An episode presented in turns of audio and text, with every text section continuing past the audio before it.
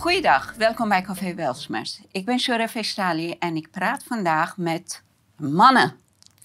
Hi mannen, welkom. Dankjewel. Oh, wat fijn om de duo Willem en Jeroen weer samen te zien. Dat maakt ons enorm zorgen. Ja, nou dankjewel voor, voor alle zorgen en kaartjes en steunbetuigingen.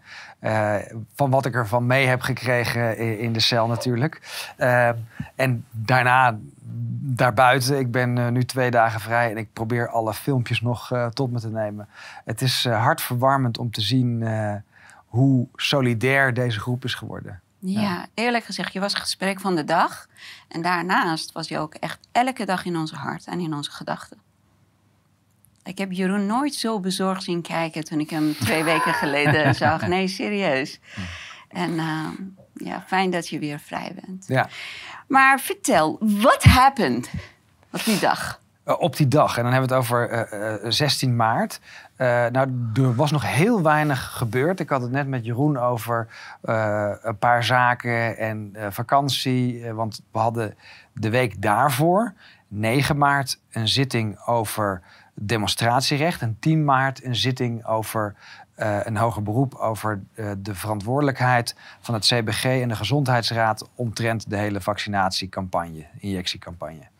En ik denk dat ook kijkend naar het dossier, dat ze het heel vervelend vonden dat wij toch weer doorgingen terwijl de Oekraïne al bezig was. Dus waarom hielden wij ons nog bezig met coronamaatregelen en prikjes? Dat was nu toch wel geweest. Eh, en toen hebben wij 15 maart hebben we hier bij Weltschmerz nog een, een, een uitzending gemaakt. Een soort nabeschouwing, vooral van die eh, zaak van, van 9 maart, dus over demonstratierecht. En hebben we laten zien van wat zijn nou eigenlijk de lijntjes? Wie zijn er belangrijk in dat Stasi-achtige eh, apparaat waardoor we bestuurd worden? Want zo, via de WOP-stukken kan je dat nu eigenlijk wel stellen. Eh, en dat was denk ik de trigger. Dus 's ochtends heb ik het met Jeroen erover van... ja, misschien moeten we die zaak of gaan we eerst op vakantie. En eh, ik loop naar het stembureau. Ik denk rond 11 uur. Breng mijn stem uit. eh, loop weer terug en word gekidnapt. En eh, vanaf die kidnapping, ik was echt heel erg verbaasd. Ik dacht van, dit is misschien een fout. Dat dacht ik e- eerst nog echt oprecht. Ik was ook een beetje beledigd. Er waren maar twee agenten. Dat dat- maar, dat, dat, geeft al aan dat ze zeker wisten dat ik me niet zou verzetten. En dat er absoluut geen gevaar was voor geweld of verzet bij arrestatie of vluchtgevaar. En- maar toch moest ik geboeid worden. Dus het was, eh, eh, ja, toen ik eenmaal op het bureau kwam, toen snapte ik van, oké, dit, dit is hem dan. Veel mensen die, die waren er al bang voor en we hebben het al eh, vaak erover gehad van, stel nou dat ze dan het toch aandurven om je te arresteren, ook al is er niks, eh, maar gewoon omdat ze je van de straat willen hebben. eh, hoe zouden ze dat dan doen? Waarvoor zouden ze dat doen? Wanneer zouden ze dat doen? En nu had ik het antwoord. het was ook een hele klunzige actie. Hè? Het, het zag er gewoon niet zo... Het was... Ik, ik heb het bij Jinek volgens mij gehoord, of bij een andere talkshow, alsof het een slechte pornofilm was. Oké, dan hebben ze een hele andere ja, eh, be- begrip Ehm. van porno, maar goed. eh, ja, ik heb het filmpje natuurlijk daarna pas gezien, een paar dagen later. En eh, het, het zag er ook knullig uit. En ik denk dat het er ook mee te maken had dat die agenten ook een beetje zoiets hadden van... ja, wat moeten we nou weer doen? En zeker die, die man, want die, die, die vrouw was wel erg zenuwachtig. Die, die, vond het denk ik heel erg spannend. Maar die man, die, daar had ik later nog bij Marconiplein dan een gesprekje mee... toen ik werd overgedragen aan de hulpofficier van justitie. En die zei ik van ja, ik vind eh, goed wat je doet... en ik, eh, ik hoop dat je doorgaat. En Zei jij dat? tegen- Nee, dat, dat, dat zei die agent die Oh. mij net had gearresteerd. eh, tegen mij bij het overdragen in het Marconiplein. En dan zie je dat de mensen die het daadwerkelijke werk uitvoeren... want dit was niet één. Bijna alle bewakers of transporteurs... eh, of, of penitentiaire medewerkers... die hadden diezelfde instelling. Die zaten van ja, ik, ik, ik snap wat er aan de hand is... Sorry daarvoor, ik doe mijn werk. En als ik iets kan doen om het jou draaglijker te maken, laat het weten. Eh, dus ik, ik ben heel erg goed behandeld. eh, met veel respect en, en empathie. Eh, het enige vervelende was het systeem. Ja. En ze deden wat ze moesten doen. ja, en daar zie je het probleem, denk ik, in Nederland is dat er nog te weinig moed is. Ja, Als je ziet dat het niet klopt, dan heb je volgens mij de morele verplichting om dan in ieder geval op zijn minst er niet aan mee te werken. ja. Ja. Ja, dat mis ik ook erg. Ja. Heel erg. Ja. Hoe was het voor jou, Jeroen? Hoe heb jij het gehoord? Eh, ik hoorde het omdat uh, Doreen mij eh, meteen opbelde wat er gebeurd was. Die was aardig in paniek op dat moment. Hm? Ehm, ja, zo hoorde ik dat dus. Gelijk. Het was niet onverwachts voor je, hè? Want ik heb nou, ja, we hebben het al vaak over gehad. Ja. En we, we weten dat we zitten nu in een volgende fase. En laten we niet vergeten, hè, eh, Willem je was niet de enige. Hè. Er zijn een hele hoop Ja, mensen zijn al opgepakt. En niet alleen in Nederland, ook in Duitsland. Maar eh, als we kijken naar Eline en Max... Mhm. die gewoon een gevangenisstraf aan het uitzitten zijn. Terwijl als je kijkt naar de feiten, is er niks. En zo zijn er nog een aantal mensen die opgepakt zijn, weer vrijgelaten zijn. Het is een systeem van intimidatie... Ja. En het systeem om het eh, stilzwijgen op te gaan leggen. In Duitsland zijn er honderden mensen opgepakt. En die worden daarna weer weer vrijgelaten. Maar het is intimidatie. Eh, dus we gebruiken nu de rustige zomer. Dat we, een soort, hebben even een pauze van de terreur eh, vanuit de staat. En eh, nu mogen we even bijkomen. En iedereen moet heel even naar Oekraïne kijken. En ondertussen gaat men een beetje opruimen. Zodat zometeen eh september, als we weer vol in die corona-nonsens gaan... eh, dat, eh, dat verzet eh, gaat zwijgen. Dat is denk ik eh, de opzet. En precies dit stukje was het hoofdonderwerp van de uitzending van 15 maart. Eh, want we zagen het patroon, we zagen wie er de aansturing deed. En het gaat dus over mensen die demonstreren, vooral tegen de coronamaatregelen, die volgers hebben en die veel vloggen. Da- dat is het patroon. Deze mensen worden stelselmatig eh, lastiggevallen, opgepakt, gearresteerd, et cetera. En let even op, hè, dit is echt een verrot stukje binnen de politie. Hè. Is een aparte afdeling, aparte mensen... eh, die, eh, die eigenlijk niks te zoeken hebben in de politie, de eh, politieorganisatie. Want mensen die op deze manier handelen, ja, die horen eigenlijk zelf in de gevangenis te zitten. Dus binnen die politie is dat, zijn het vaste mensen die wij ook benoemd hebben in Ja. die uitzending. Hè. We hebben dat geanalyseerd van wie, wie, welke namen komen altijd in terug. Dat is een vast team die bezig is met het pakken van mensen die helemaal niets op hun eh kerfstok eh, hebben. En ook strafrechtelijk niets te verwijten valt. Ja, ik zie het ook gewoon dat dat echt iets wat met je doet als je het, eh, als je het zegt. Het, het, het ontroert Nou, wat ik niet begrijp is dat mensen zich hiervoor lenen. Hè? Dus je bent politieman geworden, je misbruikt je macht. En hoe kan je dan s'nachts slapen als je bezig bent? En die mensen die genieten er kennelijk van. Hè? Want zo je iemand als eh, die eh, Van Musserts, of hoe heet Ja, die? eh, Paul van Musser, dus de hoofdcommissaris van Ja. Den Haag. Dat is een van de mensen die we in heel veel dossiers zien opduiken. En dat verraadt eigenlijk zijn verbondenheid met het uit de weg ruimen van vloggers. En je vraagt hoe ze s'nachts gaan slapen. hoe kunnen dit soort mensen Zal ik s'nachts je slapen? vertellen hoe? Vertel eens. Heel makkelijk. Als je geen ziel hebt, als je geen eh, geweten hebt, heb je ook nergens last van. Ja, dat is waarschijnlijk... eh, Ja, ik denk dat wij daar heel veel last van hebben. En omdat, omdat wij heel anders zijn. Maar dat geldt ook voor de rechters, hè, die daar meedoen en bereid zijn om eh, activisten. Eh, dit zijn, we hebben het gewoon over mensen die politiek eigenlijk actief zijn of eh, tegen de, de, het regime aan de kaak stellen. Dat die opgepakt worden en dat rechters zich daar, daarvoor lenen. En vervolgens ook anderen die meedoen, zoals bijvoorbeeld een Amnesty International, die dat allemaal legitimeert. Het, je, het is een structuur van eh, mensen die echt ver van het pad af zijn. Ja. Wat heb jij gedaan toen, toen jij hoorde dat Willem werd eh, opgepakt? Eh, wat heb ik gedaan? Wat was het eerste wat je deed? Ik weet het eigenlijk niet eens meer. Maar ik eh, denk dat ik eh, iedereen dat, we, dat we overlegd hebben over wat we gingen doen. Mhm. We hebben acties opgezet. En Kijk, wat, en we hebben, ik heb buitenlandse kanalen heb ik, gelijk gewaarschuwd. Ik heb gezocht dat overal informatie verspreid werd. Mhm. En iedereen gemobiliseerd. Wat was de effect daarvan, denk je? Ik denk dat er een enorme druk gezet is. Want mijn indruk is dat... Kijk, we hebben het ook gezien bij Max en Eline. Het is twee dagen even onrustig. En daarna worden die mensen... Hey, als je vastzit, Ja. word je vergeten. Ja? Eh. Als je iemand vastzit, dan eh, na een week... Oh ja, wie was dat? Oh ja, die Willem. Oh ja, die zat nog vast. Maar dat gebeurde niet. Hè? Willem kwam iedere dag, was hij in de media. Eh, ook zeker doordat Amnesty goed meegewerkt heeft wat dat betreft. hebben ze goed werk gedaan. Eh, daardoor bleef hij constant in de media. Het ging niet weg. Ja, dat, dat is denk ik een, een miscalculatie geweest. Want ze hebben echt gedacht van... we zijn ze aan het knijpen, aan het demoniseren. Volgens mij is het bereik lager. Eh, iedereen kijkt naar de Oekraïne. Nu kunnen we hem opruimen. En dat is een misvatting geweest. Natuurlijk heeft eh, Jeroen en Koen die hebben enorm hun best gedaan om die campagnes te voeren.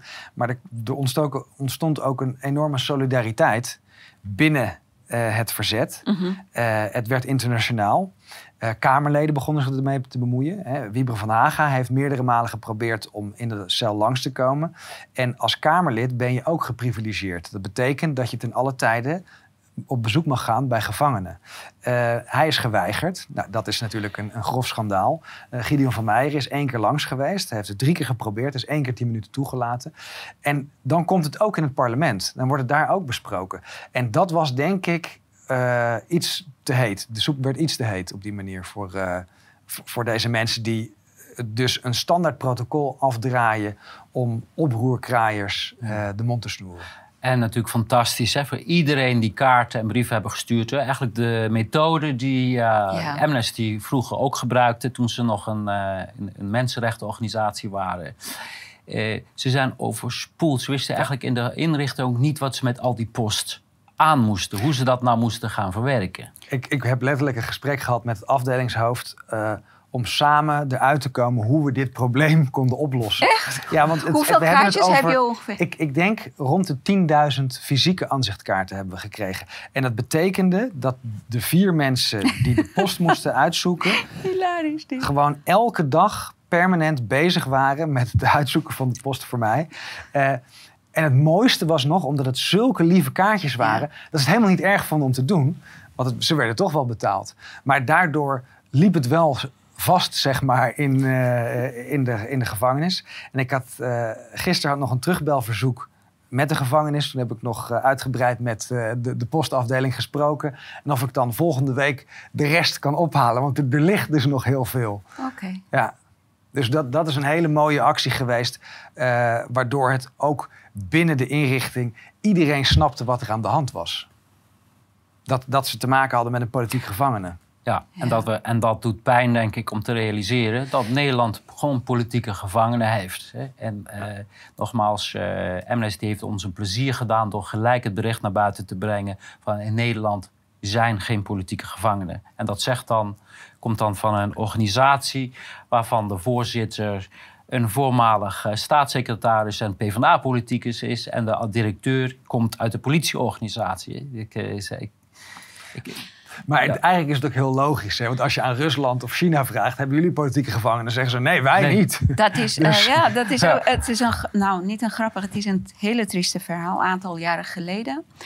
Iemand die ik ken in Iran, die werd eh, aangehouden en die heeft doodvonnis gekregen. Hij was politieke, hij was politiek actief en hij werd echt een gevaar voor de overheid, want hij werd steeds meer en meer geliefd tussen gewone burgers. En ik kende diegene goed. We, we waren vroeger, we speelden samen. En hij was altijd heel erg bekend voor zijn rechtvaardigheid. Zelfs als wij eh, met cheaten gingen eh, winnen in een spelletje, dan zei hij: Nee hoor, nee hoor. Ik zei: Nou, wat, hou je mond, joh. We hebben gewonnen. Daar gaat, nee hoor, nee, het was niet eerlijk. Dus hij was echt altijd heel erg eh, rechtvaardig. En er gingen ook mensen uit Amerika of zo naar Iran om het te onderzoeken, om te kijken waarom. Want hij was ook heel. Misschien moet ik over hem schrijven, I don't know. Maar in ieder geval, hij kreeg doodstraf. En ik heb in ehm, twee dagen voordat hij werd opgehangen... heb ik hier ook eh, echt uit wanhoop heb ik contact opgenomen met Amnesty International. En zij zeiden, ja, volgens de Iraanse overheid... hij is niet een po- politiek gevangene. Dus Maar wat, wat doet een amnesty dan nog? kijk, ja, Als, als zij eh, toestemming moeten krijgen... hoe ze gevangenen moeten typeren Nee, van nee, de maar overheid. kijk, ehm, elke politieke gevangene in de wereld die wordt voor een zogenaamd misdrijf veroordeeld. Hè. Of het nou smaad is, of lasten, of opruiing. hè. Oh, Dat heb ik ook in verschillende uitzendingen laten zien. Opruiing is een geliefd artikel om politieke tegenstanders... Want het is vaag. Je kan daar Ja, van alles aan klopt. plakken. Ja, we hebben. Dus er zal geen enkel regime zijn die zegt: nee hoor, hij zit omdat voor zijn politieke mening. Dus het is, en als je ook kijkt naar de definitie van politiek gevangenen, eh, zelfs eh, hè, mensen die een misdrijf gepleegd hebben, Maar dat doen in het kader van een politieke activiteit is een politiek gevangene. En dat staat ook op de website van Amnesty International. Bijvoorbeeld Mandela, die was, eh, die, die, die eh, was ook bezig met geweldsmisdrijven hè, tegen de staat. Maar Ja. voor zijn politieke eh, doeleinden. Daarmee is ook hij een politiek gevangene. Daarnaast heb je gewetensgevangenen. Dus dat zijn politieke activisten die zich niet schuldig gemaakt hebben aan misdrijf. En daar valt, eh, eh, daar valt Willem onder in deze categorie. Dus dit is zijn zuiver politieke eh, arrestaties. En, eh, Heeft mainstream media met jou contact eh, opgenomen? ja, ik heb heel veel contact gehad met mainstream media om- over, over de arrestatie van Willem. En eh, of er ook toen duidelijk werd dat hij vrij kwam. Eh, daarna natuurlijk niet meer. Toen hij vrij was, was het doodstil. Dat was heel opvallend. Bij eh, de gevangenis kwam ik naar buiten. Daar stond van allerlei mainstream media die vooral de emo-shots willen hebben met eh, camera's in je gezicht terwijl je eh, ja, twee weken afgesloten bent geweest van de, van de buitenwereld. Dus dat is absoluut niet respectvol Ja. met je subjecten die je filmt of interviewt omgaan. En dat, dat laat al zien, we hebben te maken met toch een soort hyena-gedrag in de mainstream media. Iedereen wil de scoop hebben. Eh, en de scoop bestaat dus niet uit een, een inhoudelijk interview. Het bestaat uit eh, emotionele foto's en one-liners. En als ze dat hebben, dan zit hun werk erop. Dus ik heb daar ook gezegd van, ik ga nu geen verklaringen of lange speeches geven. Eh, ik wil iedereen bedanken voor het komen. Ook de mainstream media. En morgen heb ik alle tijd voor jullie. Dan zal ik jullie uitgebreid te woord staan. Er is alleen een filmploeg uit Duitsland langs geweest. die documentaires maakt. die, die, die we al langer kennen. eh, die inderdaad een diepte-interview heeft gedaan. Eh, maar de eigen media uit Nederland, de NOS, RTL, SBS, eh, AD, die allemaal wel de, de, de emotionele foto's willen, die hebben geen contact gezocht. Alleen het ANP heeft gevraagd van als jullie nog een persmoment hebben, kan je het ons laten weten. Dus dat, dat geeft al aan eh, wat het niveau is van de media eh, en ook eh, wat de opdracht is van de media. Als we iemand kunnen laten zien die labiel is, of, dan, dan is dat goed nieuws. Maar de regel nummer één is: politieke dissidenten mogen niet mee gepraat worden, want hun boodschap is verboden. Ja. Zij hebben het bij jou vanaf het begin geprobeerd, hè? om jou als een labiel of gek of Ja. iemand die niet weet waar, waar hij het over heeft eh, te, neer te zetten. Weet ik veel, was het je haar of het, was nooit inhoudelijk. Secteleider. dansleraar, Ja. dit, dat. Maar ze, ze raken, weet je, hun fantasie houdt ook op een gegeven moment op, want ze kunnen gewoon niks meer verzinnen. Ja. En het verbaast me dat jij je zo goed rustig houdt. Zelfs soms word ik gefrustreerd, hè? serieus. En, en ja, je Ja, maakt denk- het heel moeilijk voor ze. Willem, je bent gewoon moeilijk. Ik je ben bent een- gewoon Ik ben moeilijk. een luizende pels, eh, omdat ze niet willen luisteren naar de inhoud van mijn boodschap. Ik geloof in geduld en liefde. Eh, ik, ik geloof in dat je het als spel moet benaderen, zoals La Vita e Bella. Eh, en wat ik van, het belangrijkste wat ik van mijn vader heb geleerd, is dat je er echt niks, maar dan ook niks om moet geven wat andere mensen van jou vinden. Vooral de mensen die niet in jouw directe omgeving zijn. Als het mensen zijn die je niet kent, is hun mening over jou niks waard. Ja, dat weet iedereen. Maar om het ook te kunnen uitvoeren, dan heb je echt een bepaalde kracht nodig hoor. En die heb Nou, je. dankjewel. Nee, serieus. Jeroen, wa- heb jij je eh, iets voor de media duidelijk kunnen maken toen hij in de gevangenis zat? Ik heb duidelijk kunnen maken dat hij een politiek gevangene is. Dat Hebben ze op- dat aangenomen of niet? Nou ja, ik, ik, ik ben eh, wat dat betreft eh, de geschreven media best wel dankbaar. Want ze hebben de posters die wij gemaakt hebben, ehm, waar Amnesty op reageerde, die zijn iedere keer weer in die artikelen afgedrukt met de tweets erbij van mij. Dus ze hebben er ook aan bijgedragen uiteindelijk aan zijn eh, dat hij ook weer vrij is gekomen. Dus eh, die, eh, die eer die wil ik ze nog wel geven, want zonder hun was dat zeker niet gelukt. Ze, ze hebben zich in deze vrij neutraal opgesteld. Ik ben nu natuurlijk met terugwerkende kracht die artikelen aan het lezen. En ik zag zelfs bij de Volkskrant echt een ongemakkelijkheid. Niet over dat ik wel gelijk had of dat ik eh, terecht of onterecht vast zat, maar vooral over de vorm. van ja, maar op verkiezingsdag met de boeien, moeten we dat nou zo doen? En dit laat zien, dit is eigenlijk onze missie, de sluiers van het beest aftrekken om te laten zien, jongens, het is een dictatuur. Ook al worden er nette woorden gebruikt, het maakt het niet minder dictatuur. En in, in dit geval worden er figuurlijk gezien niet meer nette woorden gebruikt. Hè. Als je mensen gemaskerd uh, van straat trekt, dan lijkt het toch wel heel erg op de Zuid-Amerikaanse regimes van de jaren zeventig. Ja. En daarbij, laten we niet vergeten wat hier aan vooraf is gegaan. Hè. Hier is een enorme haatzaaicampagne ja. aan vooraf gegaan. Die is ongekend. Ik denk dat het bijna alleen maar te vergelijken is met wat Fortuyn eh, ja. over zich heen kreeg destijds. Dus heel Nederland had ook een mening over Willem. Terwijl ze, als je ze persoonlijk zou vragen, noem hij eens één ding die hij gezegd heeft van die klopt. Dan zeggen ze ja, uh, ja, maar je weet wel. Nee, ik weet het niet. Uh, mensen hebben geen idee. Ze weten alleen één ding. Hij is slecht. Hij is slecht en hij moet opgepakt worden. Dus ik denk dat men daarom ook ervan uitging van de tijd is rijp nu. Nu kunnen we hem gewoon van straat plukken en iedereen gaat juichen als we hem gaan veroordelen. Dit was een lynchpartij. Een publieke lynchpartij. Niet meer en niet minder dan dat. Mhm. Waar alle media aan meegedaan hebben. En uh, ook de dikke boompjes en uh, andere ja. uh, non-valeurs.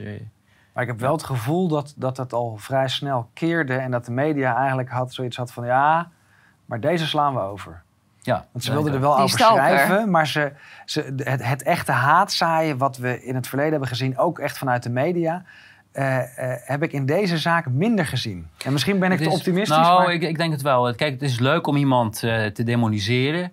Maar op een gegeven moment wordt hij opgepakt. denk je, hmm, hè, ja. waar, waarvoor? Hè, was dat, hè, wil ik, had ik dat nou eigenlijk wel gewild? Weet ja. je, dat, dat, dat merkte ik een beetje bij veel journalisten. Ja? Ja. ja.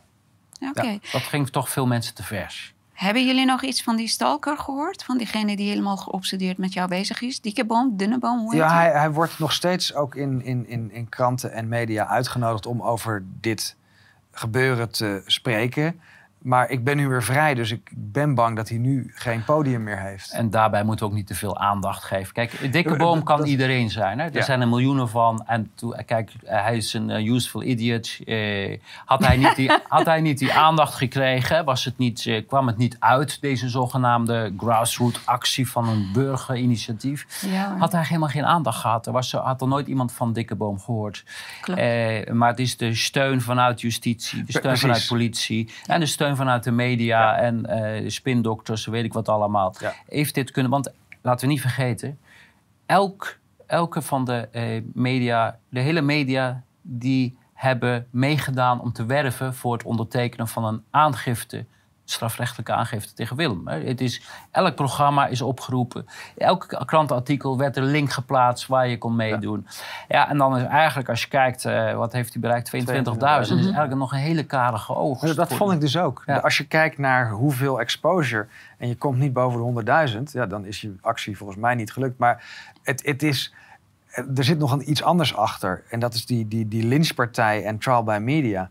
Hoezo zou je oproepen tot aangifte van gewone burgers. Uh, dit, dit, is uh, haatzaaien puur sang. Dat, dat, is niet anders uit te leggen dan een haatcampagne. Ja. Kijk, als je nog een gezagsdrager hebt die daadwerkelijk macht, macht heeft en die zich misdraagt, dan kan je er nog iets bij voorstellen. Maar iemand die niet in een positie van macht zit, op deze manier proberen te verketteren, dan denk ik, ja, je, je laat toch al zien dat je bij de niet nette mensen hoort dan.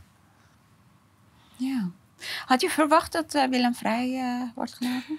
Um, toen die zitting verplaatst werd van woensdag, dat de politierechter zei van nou, ik ga hier mijn vingers niet aan branden, ik uh, schuif de hete aardappel door.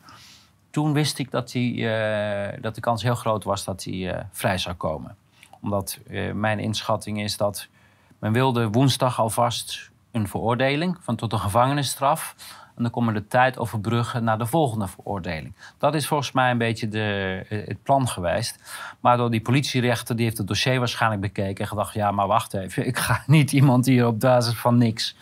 Uh, de gevangenis insturen. En die kon ook niks goeds meer doen. Hè? Want als ze vrij zou spreken, dan had ze de politiek en uh, een deel van uh, het publiek over zich heen. En zou ze hem veroordelen, had ze uh, van de andere kant een enorme storm over zich heen gehad. Dus ik denk dat zij een hele juiste inschatting heeft gemaakt. Dus, ja, ik, ik ga dit niet doen, gaan jullie het maar uitzoeken. En het was eh, kijk, er lag niks. En om dan iemand maandenlang in voorreis te gaan houden, dat wordt toch echt heel moeilijk hoor. Doen ze dat niet al bij, met Max en Nee, nee, want bij hun was dat was er laaghangend fruit. Ja. Eh, ze hebben een verkeerde strategie ook gekozen in de verdediging. Mm. Ehm, dus die hebben ze gelijk een, een, een, eh, een slag om de oren gegeven en eh, gelijk vastgezet en de straf laten uitzitten ook gelijk. Eh, terwijl deze zaken, dat gaat nog heel wat voet in aarde hebben, want er worden getuigen gehoord en Ja. noem maar op. Dit, dit gaat nog heel lang duren. Dit, dit, Ja, dit- precies. Dit, dit, gaat, dit kan zomaar jaren duren. Die van jou? Ja, eh, en ik denk dat ze dat ook snappen, dat wij alles eraan zullen doen om de onderste steen boven te krijgen. En eh, hoe langer het duurt, eh, hoe positiever het voor ons is. Want dit was toch een, echt een overrompeling. Kijken of we het helemaal kunnen afschermen. Of we snel die veroordeling binnen kunnen krijgen. En daarna de duimschroeven aandraaien. En nu er weer heel veel speelruimte is. En ik vrij ben en we alles kunnen uitzoeken. En het kunnen laten zien. En zelf weer procedures kunnen starten. Ja, is dit, is dit kansloos geworden, juridisch gezien. Ze zullen misschien de rechters meekrijgen. Ze zullen misschien de officier meekrijgen. eh, de media meekrijgen. Maar we laten niet gebeuren dat we het aan laten komen op eh, dat, dat de rechter er eventjes een, een, een nachtje over gaat nadenken. Nee, alles moet onderzocht worden. Ja, bij die anderen, die hebben snel recht geaccepteerd. Ja. Die dachten dan, ik, ik heb niks gedaan, dus dan ben ik meteen vrij. Daar ben ik ook maar vanaf. En onderschat hoe verrot het rechtssysteem is. Ja. Hoe verrot de rechters zijn. Ik bedoel, dat kan je niet anders zeggen als je mensen Ja. voor wat, die, wat zij, eh, wat hun, waar zij van beschuldigd werden en je gaat hun eh, vier en zes maanden in de gevangenis gooien. Ja, dan ben je eh, los van elk ook- moreel besef. ook, ook bij die veroordeling van Huig Plug. De rechters schamen zich niet eens meer om te zeggen, meerdere malen... ik wil een signaal afgeven. Daarmee zeggen ze, ik ben politiek activist. Ja. Ik ben een fan van de macht. En ik ga er alles aan doen om die macht zoveel mogelijk te beschermen. Jij moet een lesje zijn voor de rest. Precies. Ja. En, en dat is sowieso al een heel vreemd fenomeen in rechtspraak. Nee, als iedereen gelijk is, dan moeten er dus niet sommige mensen meer straf krijgen omdat ze meer in de media zijn of omdat de politieke win- wind toevallig eh, links of rechts waait. Da- da- dat is het einde van eh, de, de, de rechtsstaat. En dan, dan kom je echt bij de politieke rechtspraak. Hè? Dus dat je alleen nog maar gaat sturen op gewenst gedrag. Ja. En je hebt ook een aantal verboden gekregen.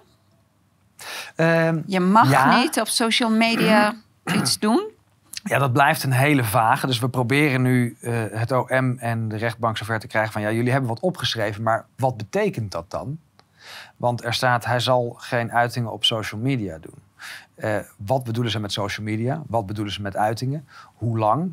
Eh, welk thema? Welk kanaal? Eh, er, zitten daar zoveel haken en ogen aan... dat, dat er ja, nu een totaal diffuus iets ligt. En ja, vo- voorlopig houden we het eh, veilig Mhm.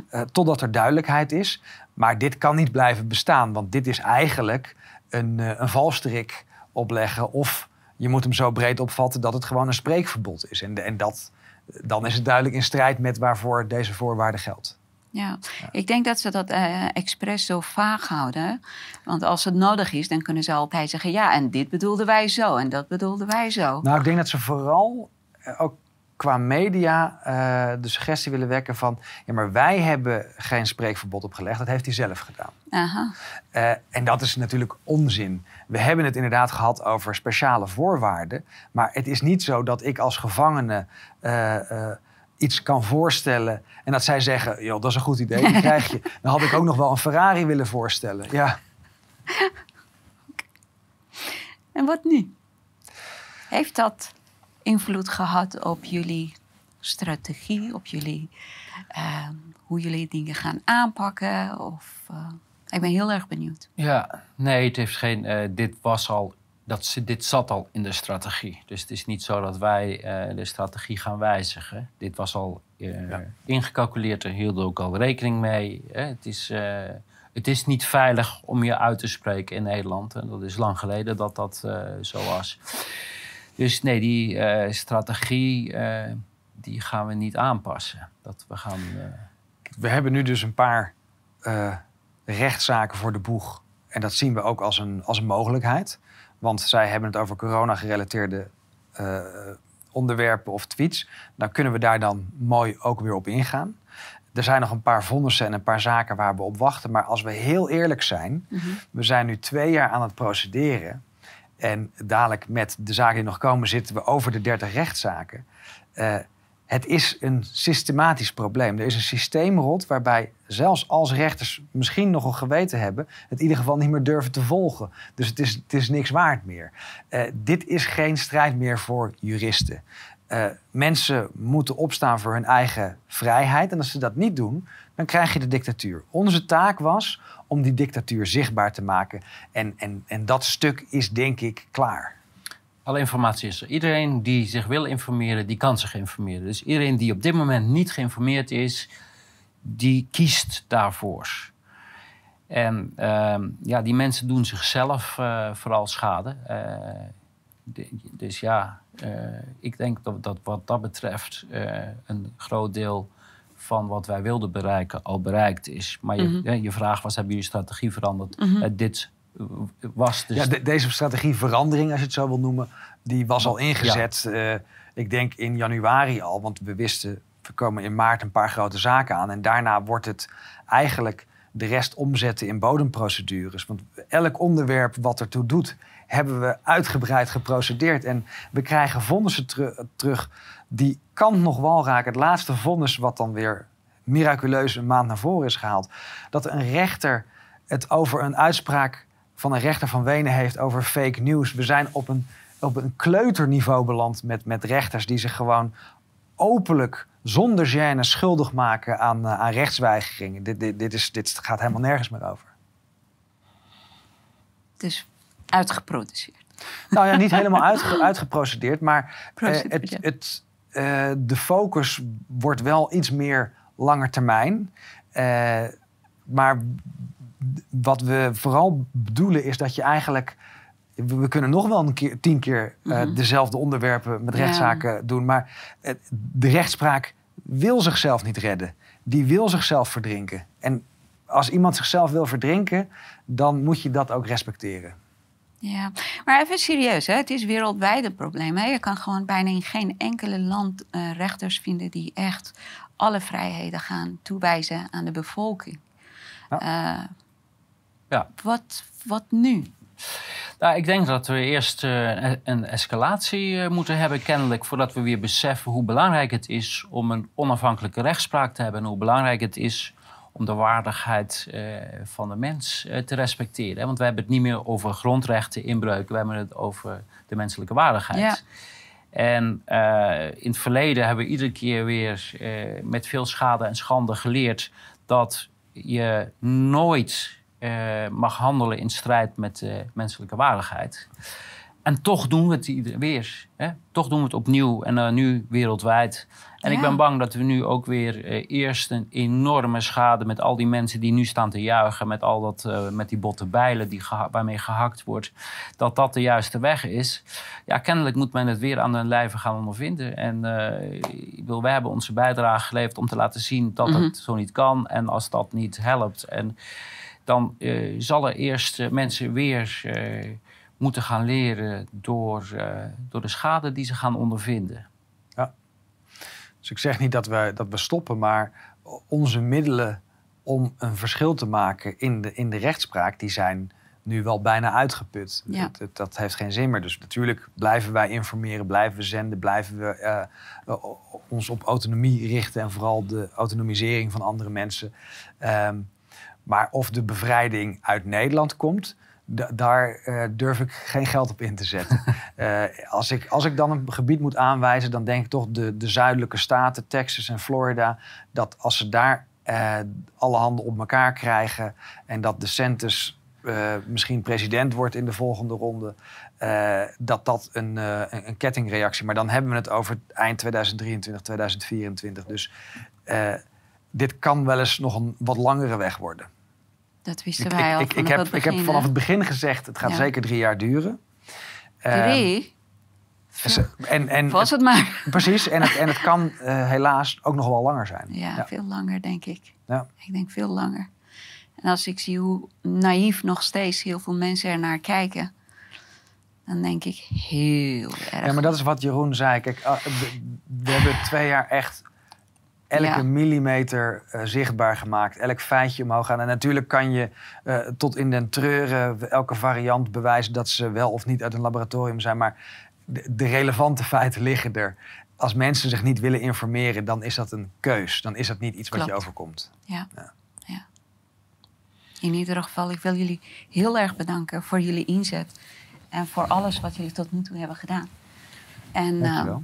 graag tot de volgende keer. Dankjewel. Tot de volgende. Ik kan zeggen, they are messing with the wrong guys. Dank jullie wel voor het kijken en tot de volgende keer.